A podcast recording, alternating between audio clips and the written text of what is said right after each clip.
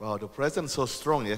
Hadirat Tuhan tuh kuat banget. Saya ngerasain banget saya dijamah Tuhan. Dan um, sambil dengar firman, jangan jangan miss fokus karena Tuhan bisa menyembuhkan. Karena hadiratnya begitu kuat dan melepaskan.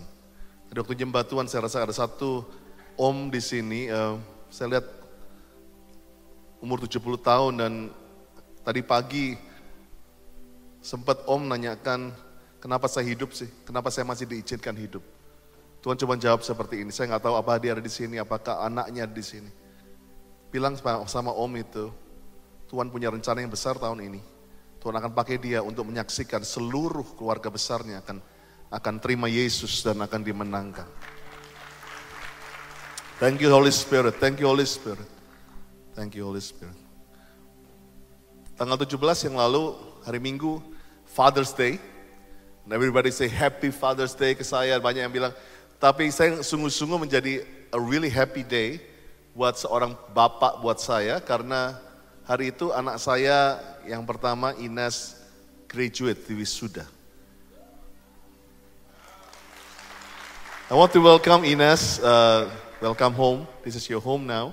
Empat tahun dia udah pergi, uh, this is your home. And I'm really excited untuk untuk untuk untuk help my twins pulang sama saya dan kembaran saya dan my eating competitors. So welcome home Ines, for uh, excited to have you. Dan saya pernah saksi kepada saudara bahwa di setiap event keluarga saya, saya dirubah.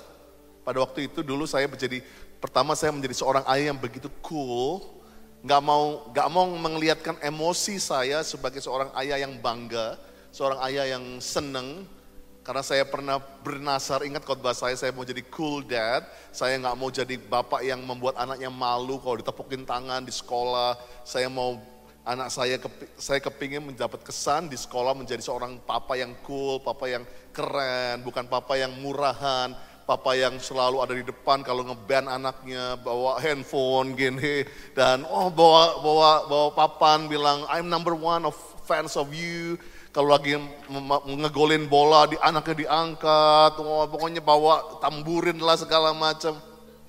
Saya berusaha untuk nggak seperti itu, tapi saya pernah saksi di tempat ini. Transformation, transformation dalam hidup saya dari seorang yang begitu cool, mencoba nggak mau care, menjadi tiba-tiba one day Tuhan rubah, saya menjadi seorang ayah yang begitu supportive Istri saya sering komplain karena setelah itu setiap videonya hancur karena setiap kali abis ini saya suara saya yang kedengaran teriak-teriak, come on Ines, come on Jason, oh, you did it Elaine. Saya akan teriak dengan begitu keras sehingga suara yang lain ter, tertutup di handphonenya dia. I become so supportive with my children. I become so obsessed with them. Saya nggak mau kehilangan uh, momen-momen celebration di kehidupan mereka. And I'm looking for untuk untuk satu hal dalam anak rohani saya juga untuk ada di setiap celebration kehidupan mereka. Tapi tanggal 17 yang lalu is different. Dan I'm looking forward untuk untuk menyaksikan anak saya di wisuda. It's a special day for me dan saya ambil satu spot yang agak jauh dari keluarga karena saya mau dapatkan the good angle dan waktu saya, biasanya saya akan begitu teriak, tapi saya kaget, saya melihat hasilnya, the video is so silent. Nggak ada suara saya dan istri saya bilang, tumben lu nggak nggak teriak-teriak, come on Ines, come on, go for it Ines. Saya cuma diam. Karena sepanjang saya videoan ini, I was crying. I was on tears. Saya nangis seperti nangis-nangisnya dan ada sesuatu yang tiba-tiba seperti flashback dalam kehidupan. Sambil saya videoin itu, saya flashback. Saya umur 9 tahun, ada seorang dukun datang ke keluarga saya dan tiba-tiba saya dipanggil, lalu di, lalu saya dibilang begini, e, kamu kayaknya akan punya istri tiga nanti katanya. Gitu. Uh, saya kaget 9 tahun. Kamu akan punya istri tiga nanti. Dia, dia pegang tangan saya lagi terus dia bilang, dan dia bisik-bisik kali ini sama tante saya, dia bilang, ini anak nggak akan lewat umur 40 tahun. Tapi saya dengar gitu loh, saya bilang, wow. Nah, hidup saya dihantui dengan hal itu.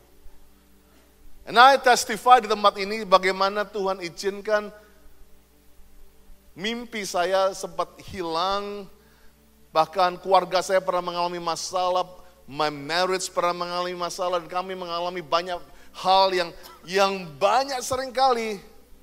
Bahkan saya pernah kena kanker tiroid, sehingga semua yang rasanya ramalan iblis itu kepingin mengambil semuanya.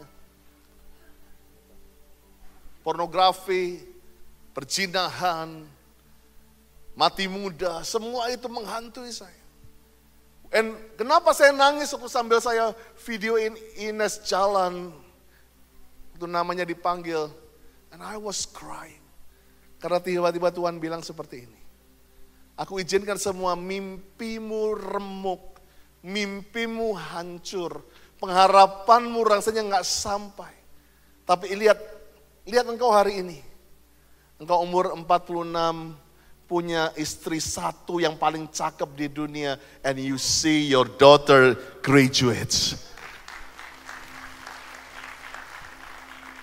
Dia Tuhan bilang, yang saya buat nangis, saya bilang saya nggak mati, saya masih bisa melihat anak saya graduate umur 46, punya satu istri yang begitu cantik, yang begitu supporting me, yang begitu sabar dengan ngorok saya selama 22 tahun. Dan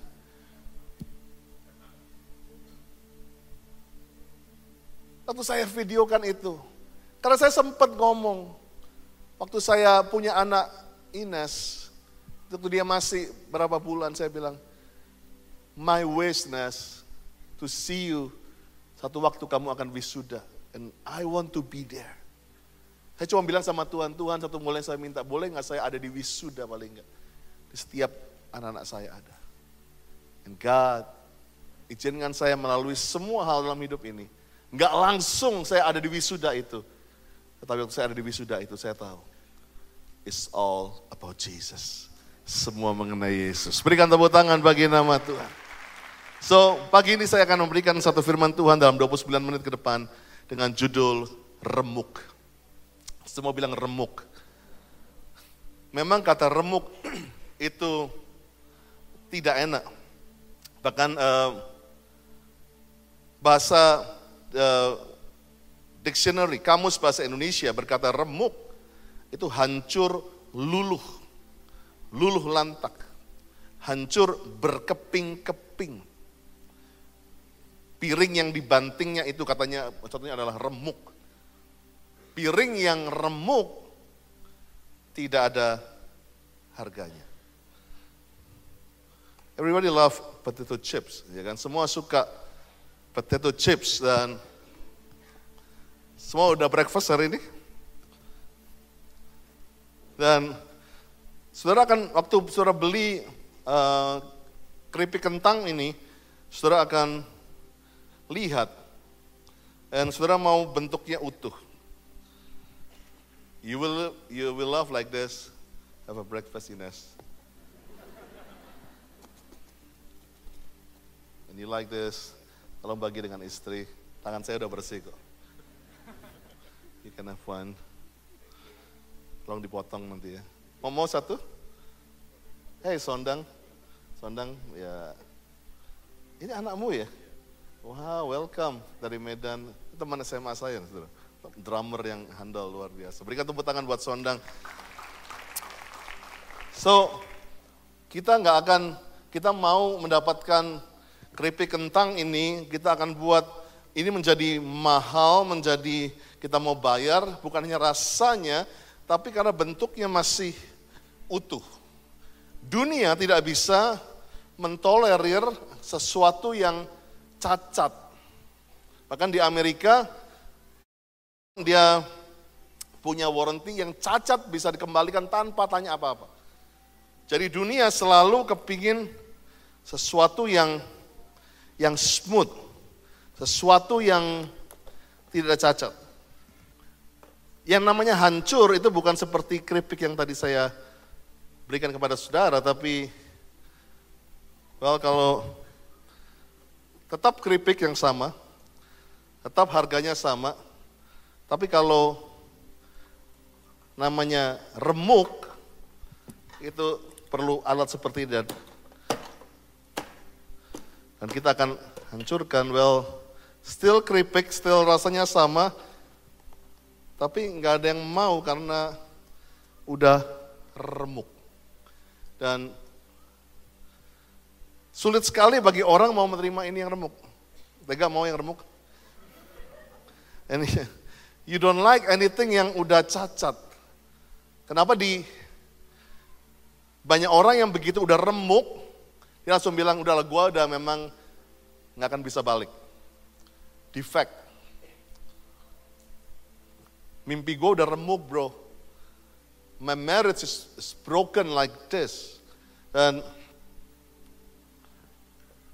saya percaya bahwa semahal-mahalnya benda, semahal-mahalnya benda, kalau udah remuk, itu nggak ada artinya. Kamu pakai jam apa bro? Any watch? Wah ini kayaknya keren watchnya nih. Yang paling baru. Ini hadiah dari Ingrid bukan? Bukan, oke nggak apa-apa ya gue baca, ya. So, William suka banget dengan, lu gece banget, bahkan jamnya aja gece lo bro. Jamnya gece deh. Dan ini menjadi begitu berharga waktu utuh.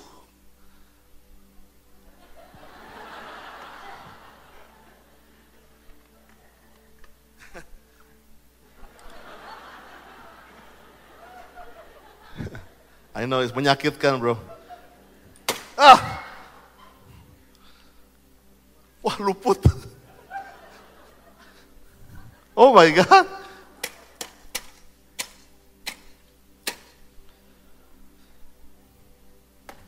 Nanti ambil setelah pelayanan, oke? Okay? Dia akan, saya lihatnya aja ngeri. Oh pecah beneran lo bro. Gak ada yang bohong. Masih utuh, masih utuh. Well, nggak ada yang kita yang mau punya sesuatu yang broken seperti ini. Dan sekarang dunia sudah pikir begitu sesuatu yang hancur, itu nggak ada lagi harganya. Tapi ketahui tahulah saudara bahwa dalam Alkitab, kehancuran itu awal dari segala mujizat. Sering kali ada satu pola yang yang Pastor Timmy sampaikan terlambat, artinya udah hancur, udah nggak mungkin, udah mati, udah busuk. Tapi Tuhan bilang supaya mereka belajar bahwa lewat kehancuran, lewat kematian, Tuhan masih sanggup melakukan sesuatu yang baru. Berikan tepuk tangan bagi nama Tuhan. Bahkan di setiap kesaksian banyak hal, di setiap kesaksian marriage yang sukses, mereka menemukan sering kali ada yang namanya masa-masa diremukkan, belajar, yang rasanya mungkin udah nggak mungkin lagi bisa jadi pengusaha yang sukses, Tuhan izinkan bisnisnya hancur, tetapi lewat kehancuran itu Tuhan bisa memulai sesuatu yang baru dalam kehidupan mereka. Dan di tahun permulaan yang baru ini siap-siap bahwa kita perlu sometimes mengalami remuk itu. Remuk. Mungkin nama baikmu remuk. Pastor, come on. Gak ada harganya lagi. Saya diinjak-injak orang. Saya bukan sebagai seorang yang begitu baik. Iblis hancurkan saya. Iblis pecahkan saya. Iblis injak-injak keluarga saya. And kita bilang Tuhan, gimana bisa? Ini bisa jadi permulaan yang baru. Lewat firman Tuhan ini. Ada satu hal yang luar biasa dan saya percaya kalau cari jodoh, kalau cari panutan, cari idola, orang Kristen. Jangan cuma orang Kristen biasa, tapi yang orang Kristen yang punya remuk version dalam hidupnya. Yang pernah diremukkan. Yang pernah ngalami bottom. Seorang pengusaha yang pernah ngalami jadi nol, Dia akan jadi seorang bisnismen yang gak akan sombong, yang akan selalu mengerti mengucap syukur. Yang percaya katakan amin. Cari jodoh, cari yang pernah remuk. Kalau gak pernah remuk, gak pernah keringetan, gak pernah kerja sama orang, that's danger. Perlu remuk dulu dia. Perlu egonya diremukkan dulu. Jangan cari jodoh seorang anak yang, jangan cuma cari kayanya saja. Coba jangan lihat punya berapa rumah, berapa mobil, tapi pernah remuk gak dia? Karena ada satu yang mahal dalam proses diremukkan. Yang mengerti katakan amin. Mazmur 51 ayat 18, ini, ini landasannya. Sebab Tuhan tidak berkenan, katakan tidak berkenan, kepada korban sembelihan. Sekiranya ku persembahkan korban bakaran, Tuhan tidak menyukainya. Loh, kita jadi bingung, Tuhan ini saya setiap datang, kita kan memberikan korban pujian, korban persembahan, sembelihan. Tapi Tuhan bilang, I don't like it. Aku nggak disenangkan dengan itu.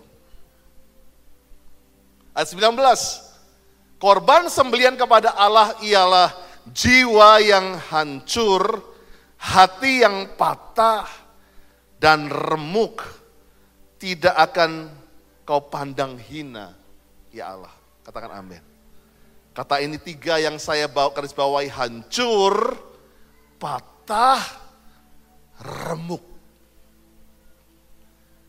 Sama itu orang bilang, I have pleasure. Dengan melihat hal itu. Sehingga kita bilang Tuhan,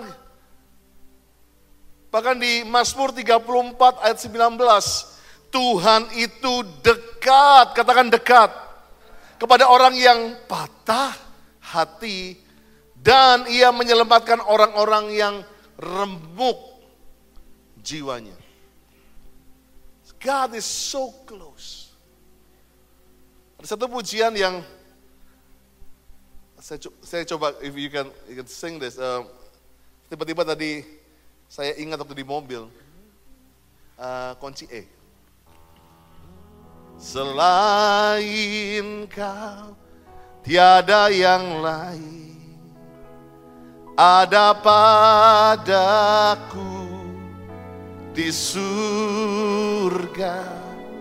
Selain kau, tiada yang lain yang ku ingini di bumi yang ku ingini di bumi. Sekalipun dagingku dan hatiku habis lenyap. Gunung batuku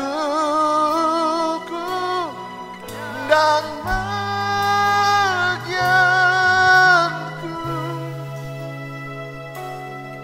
tetaplah Allah selamanya. Sekalipun, sekalipun dagingku dan hatiku habis lenyap gunung batuku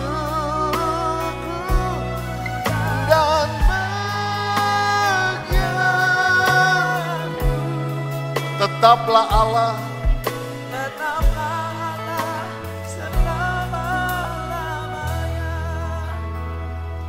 Tuhan izinkan sekali radius mengalami remuk. Saya ingat satu minggu kita baru pindah ke sini tiba-tiba pabriknya kebakaran habis. Dan saya pun sebagai gembala saya sudah siap untuk peluk dia. Untuk menghibur dia. Bukan berarti dia oke okay aja beda. Tapi dia menemukan. Di waktu dia datang dia bilang, Pastor, Tuhan akan kembalikan berkali-kali lipat. Apa yang dicuri iblis tujuh kali lipat akan dikembalikan. Berikan tepuk tangan bagi nama Tuhan. Wow dia setia remuk waktu itu lihat pabriknya satu pabrik habis dengan api. Tapi Tuhan sering kali izinkan selain kau tiada yang lain. Yang ada padaku di sorga dan di bumi. Selain kau tiada yang ada yang kuingini di bumi. Sekalipun dagingku dan hatiku habis lenyap. Allah selama-lamanya. Bahkan satu pujian waktu uh, Pastor Weldiar menulis lagu ini dan lagu ini banyak dinyanyikan di seluruh dunia. Inilah yang ku renungkan setiap waktu. Nyanyian pujian dan pengagungan kepadamu.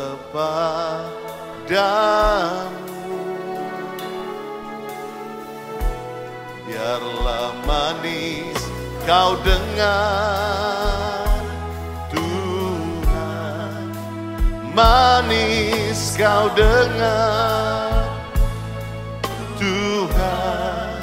Dan hatiku bersuka karena Saya percaya Tuhan tuh dekat Bahkan bahasa Inggris Tuhan tuh nempel dengan orang yang patah hati. A broken hearted. Orang yang di smash hidupnya. Diremukkan jiwanya. Bahkan ada seorang yang begitu terkenal dengan proses peremukan yaitu Ayub. Ayub diremukkan dari semua hal. Saya ingat kembali Pastor Timmy bilang bukan yang yang yang repot kalau yang remuk itu orang benar justru. Yang susah menjelaskan, yang diproses justru orang yang rajin ke gereja. Bukan orang yang bejat, bukan orang yang lupa Tuhan, tetapi orang-orang yang yang hidupnya oke, hidupnya menyenangkan Tuhan. Tetapi di Alkitab pola ini yang dialami oleh Lazarus, dialami oleh Abraham, dialami oleh banyak orang, dialami oleh Yunus, dialami oleh begitu banyak orang seperti Daniel. Mereka harus diremukkan, dimasukkan dapur api, dimasukkan gua singa terlebih dahulu sebelum mereka diberkati luar biasa. Pola inilah Ayub bahkan di saya suka sekali baca ini berulang kali kalau dalam proses peremukan saya sering baca ini Ayub 6 ayat 9 sampai 13. Ini doanya dia loh. Kiranya Allah berkenan meremukkan aku. Wow. Ayub bilang, remukan aku. Kiranya ia melepaskan tangannya. Lepaskan tanganmu, habisi aja nyawaku. Sebab itulah yang masih merupakan hiburan bagiku. Bahkan aku akan melompat-lompat ke kegirangan di waktu kepedihan yang tak kenal belas kasihan. Sebab aku tidak pernah menyangkal firman yang maha kudus. Apakah kekuatanku? Lihat ini. Ini yang perlu diremukan sering kali kekuatan ini sehingga kita bisa berkata, not by might, not by strength, bukan kuat, bukan gagah, tapi oleh roh kudus. Berikan tepuk tangan buat Tuhan. Haleluya. Apakah kekuatanku sehingga aku sanggup bertahan? Apakah masa depanku? Kenapa Tuhan izinkan masa depan kita seperti di smash, dihancurkan. Gak ada lagi pengharapan. Gak ada lagi bisa lihat masa depan. Karena ya Ayub bilang kekuatanku dihancurkan, masa depanku dihancurkan sehingga aku harus bersabar. Apakah kekuatanku seperti kekuatan batu? Apakah tubuhku, bahkan mungkin ada tubuhnya yang saat ini dihancurkan. Sakit apa pun. Dari tembaga, bukankah tidak ada lagi pertolongan bagiku dan keselamatan jauh daripadaku.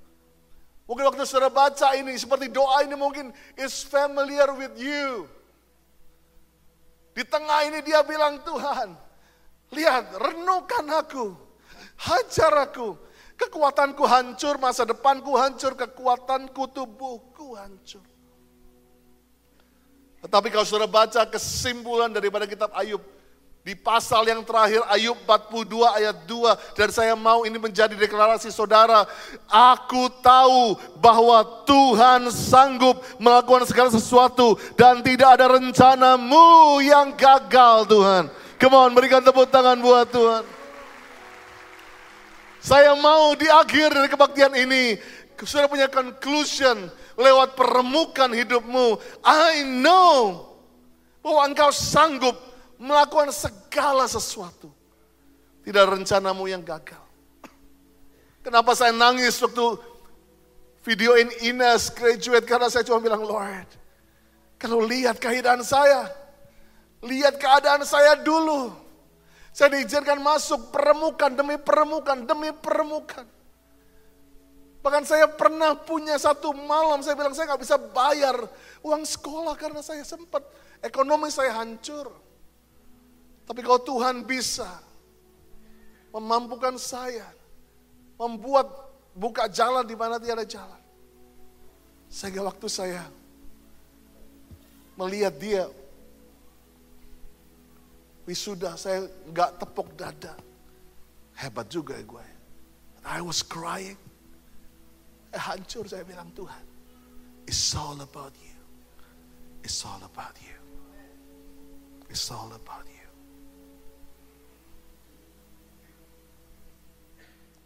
Tuhan tuh begitu dekat dengan orang-orang yang remuk. Yesaya 57 ayat 15, sebab beginilah firman yang maha tinggi. Dan yang maha mulia yang bersemayam untuk selamanya. Lihat Tuhan berfirman, aku ini mau bersemayam, tinggal.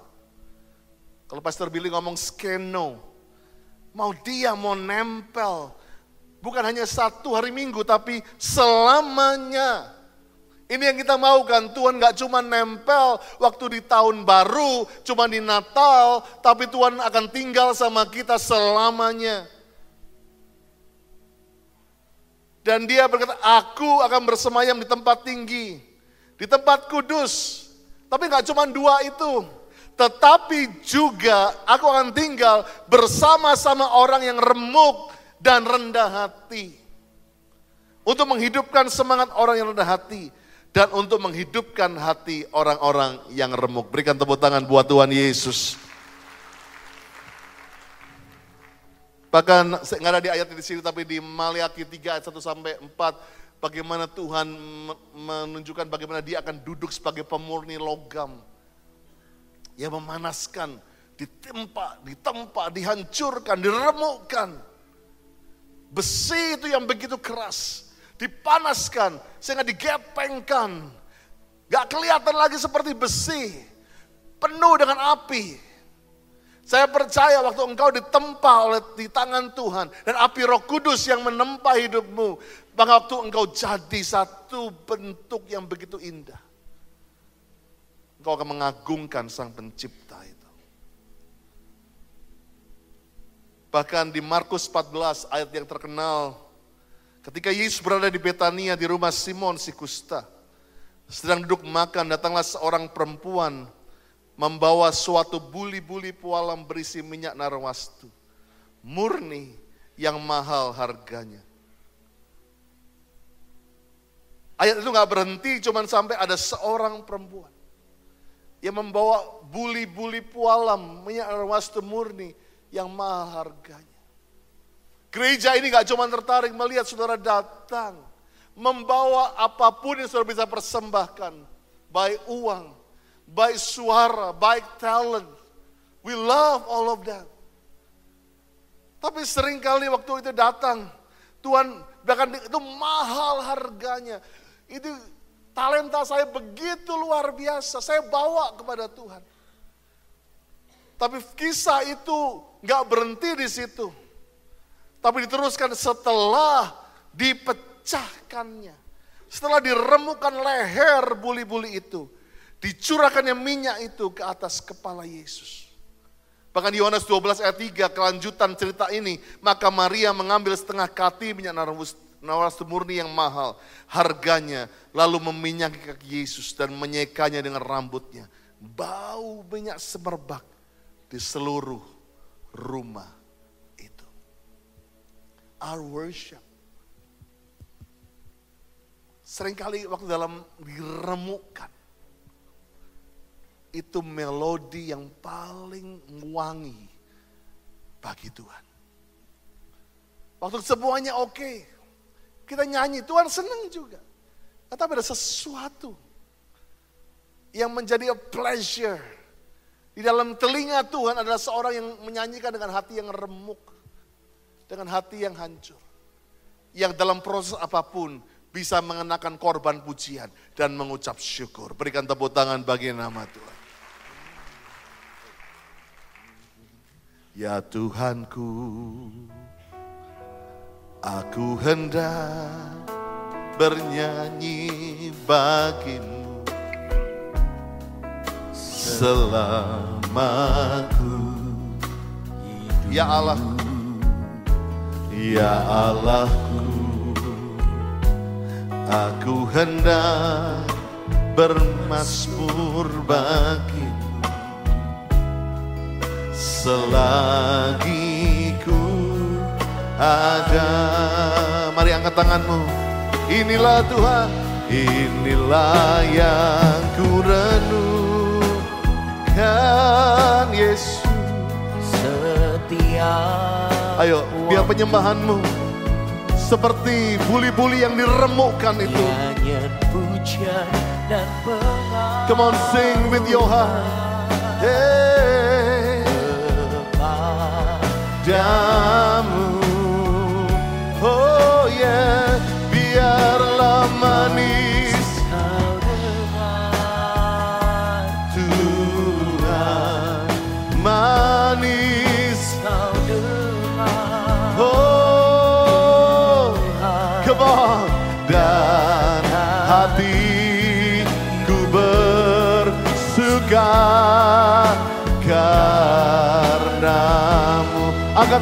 Angkat wajahmu Inilah yang ku renungkan. Inilah yang ku renungkan yeah. Setiap waktu. Nyanyian pujian dan pengagungan.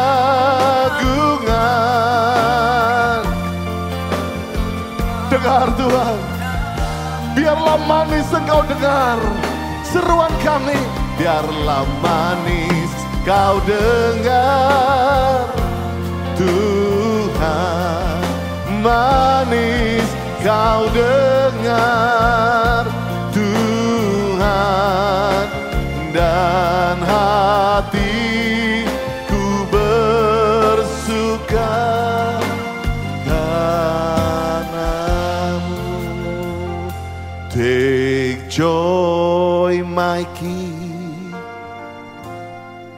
In what you hear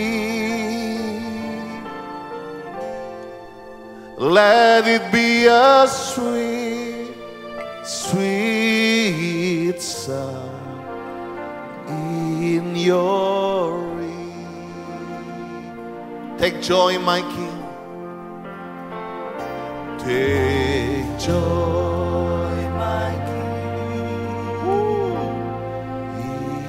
what you hear.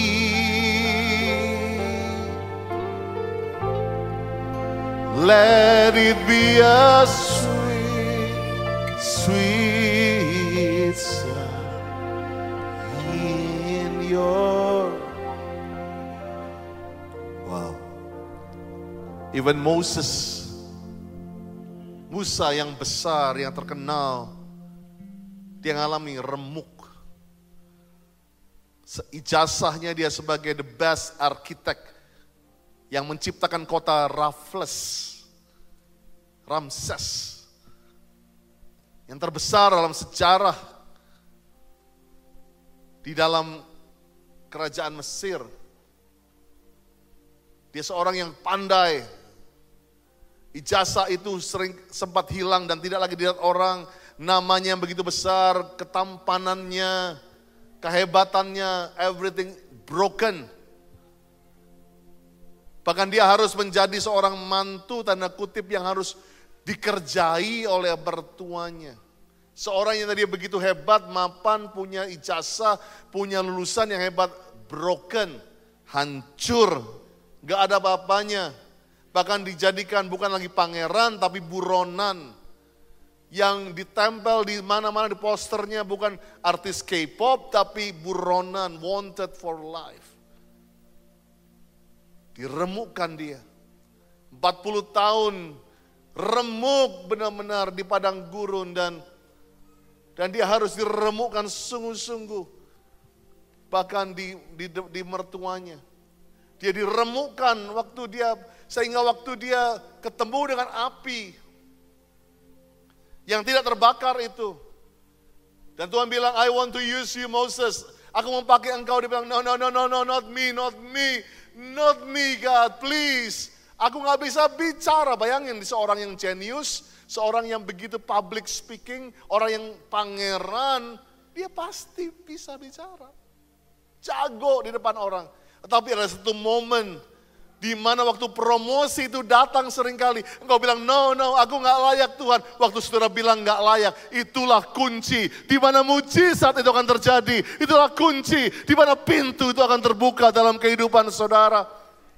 Kita sering kali Bukannya berarti kita menjadi orang yang minder dan gak bisa apa-apa loh. Enggak. Tapi peremukan itu adalah kita tetap pintar, tetap bisa semuanya. Tapi waktu kita lakukan is all about Jesus. Bau wanginya itu adalah mengenai Tuhan. Musa diremukkan. Sehingga dia disebut sebagai orang yang paling lembut hatinya di muka bumi. Wow, dari seorang yang begitu, bahkan membunuh orang dengan gampang. Menjadi seorang yang begitu gentle. Dan saya percaya berapa orang di tempat ini sedang Tuhan rubah hatinya seperti itu. Yusuf, dia harus mengalami broken. Yusuf harus mengalami diremukkan sungguh-sungguh. Yusuf 17 tahun tidak langsung menjadi raja. Tidak langsung menjadi pemimpin, dia harus melalui proses sumur, Proses di mana mimpinya gak jadi kenyataan. Tapi ditolak. Di sumur sendirian. Gak ditolong, luka, kedinginan. Gak cukup, diremukkan lagi. Harus jadi pemimpin, malah jadi budak yang dipimpin, yang gak punya nama, yang gak punya hak. Yang ke mana-mana gak boleh lihat wajah tuannya, jadi budak. Dia dijual jadi budak. Belum selesai, Tuhan remukan lagi. Jadi difitnah. Orang di penjara, dipukuli di sana. Dibilang pecina, dibilang orang yang mau memperkosa. Enggak berhenti lagi. Diproses lagi, diremukan. Dikianati teman baiknya yang bilang, nanti aku ingat kamu ya. Kalau saya udah bebas, saya akan nanti bilangin Firaun kamu masih di sini. Gak diingat.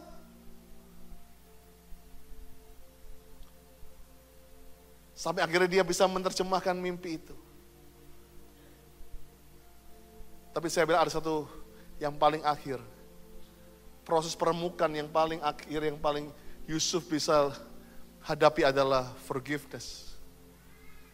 Di mana dia diajar untuk mengampuni kakak-kakaknya. Saya percaya Tuhan harus lewati proses begitu panjang supaya dia bisa mengampuni dan bisa menjadi berkat buat keluarganya dan buat bangsanya. Dan yang terakhir, kenapa setiap kali kita minggu pertama kita menyambut tubuh darah Tuhan, kita Tuhan menjadi peringatan akan aku. Karena setiap kali kita minggu pertama kita akan menghadapi roti yang harus dipecah-pecahkan. Harus di smash. Harus diremukkan. I love suara yang waktu bilang dipetahkan. Maka seperti yang berkeping-keping ini. And that's the body of Jesus. Yesus sebelum dia permuliakan, dia harus diremukkan. Karena ditulis dalam Yesaya 53 ayat 5. Tetapi dia, Yesus, tertikam oleh karena pemberontakan kita. Dia diremukkan oleh karena kejahatan kita. Ganjaran yang mendatangkan keselamatan bagi kita ditimpakan kepadanya dan oleh bilur-bilurnya kita menjadi sembuh. Tundukkan kepala saudara. Saya minta Pak Mama Tuhan boleh maju. Saya minta Ines untuk maju ke depan. There's one song yang, yang, yang Tuhan akan berkata, I will not be afraid. Aku tidak akan takut. Karena dialah yang yang menjamin kehidupan kita. Dia yang dekat dengan kita. Mari kita siapkan hati kita untuk menyambut tubuh dan darah Tuhan. Biar remuk ini bukan menjadi Dunia berkata yang remuk itu gak akan bisa lagi pulih. Yang remuk itu akan dibuang. Tetapi justru jadilah orang-orang yang mengalami musim yang baru. Waktu engkau diremukkan, engkau akan dapat ijazah, sertifikat, limited edition, remuk version. Dan engkau akan lihat di situ. Engkau pernah mengalami itu. Sewaktu kita menyambut udara Tuhan, biarlah ini menjadi peringatan akan Tuhan. Tuhan diremukkan karena kita. Dia diperlakukan tidak adil karena kita. Bukan hanya tubuhnya sedang remuk, tapi his relationship dengan Bapa juga remuk. His relationship dengan teman-temannya juga remuk. Dia dikianati. Mungkin kau pernah dikianati di sini. Semuanya. Dia nggak punya apa-apanya. Dia ditinggalkan sendirian. Homeless, fatherless, friendless. Tapi itulah supaya dengan, dengan begitu bilur-bilurnya bisa menyembuhkan kita. So take one minute Biar pujian ini bisa berbicara kepada saudara. I won't be afraid, for you are here.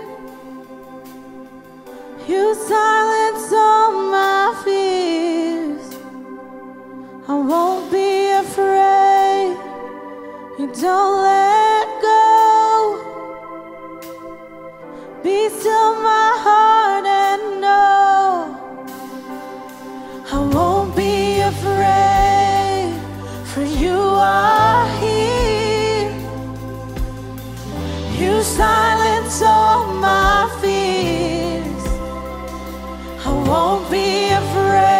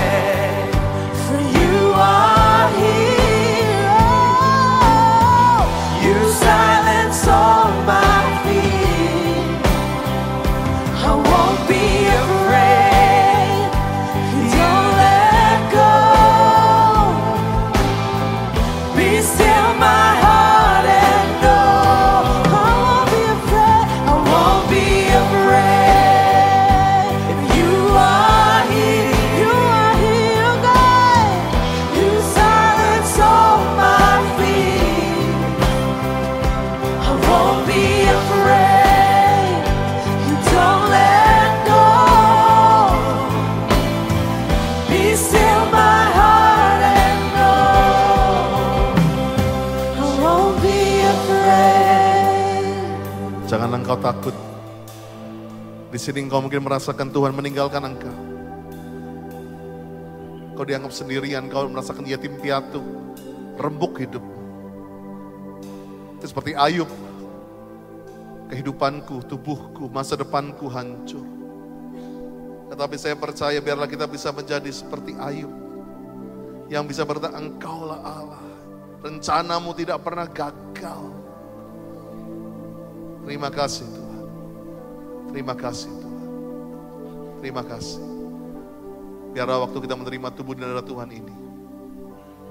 Kita minta ampun. Kalau dalam masa kita diremukkan. Kita sering kali berontak dan kita keluar dari rencana Tuhan. Kita lari. Kita kecewa. Minggu ini tepat 1 Juli setengah tahun. Ayo kembali, kembali, kembali, kembali, pulang, kembali ngerasakan kasih Tuhan. Terima kasih ya Tuhan. Sertai kami, lindungi kami. Di dalam nama Yesus.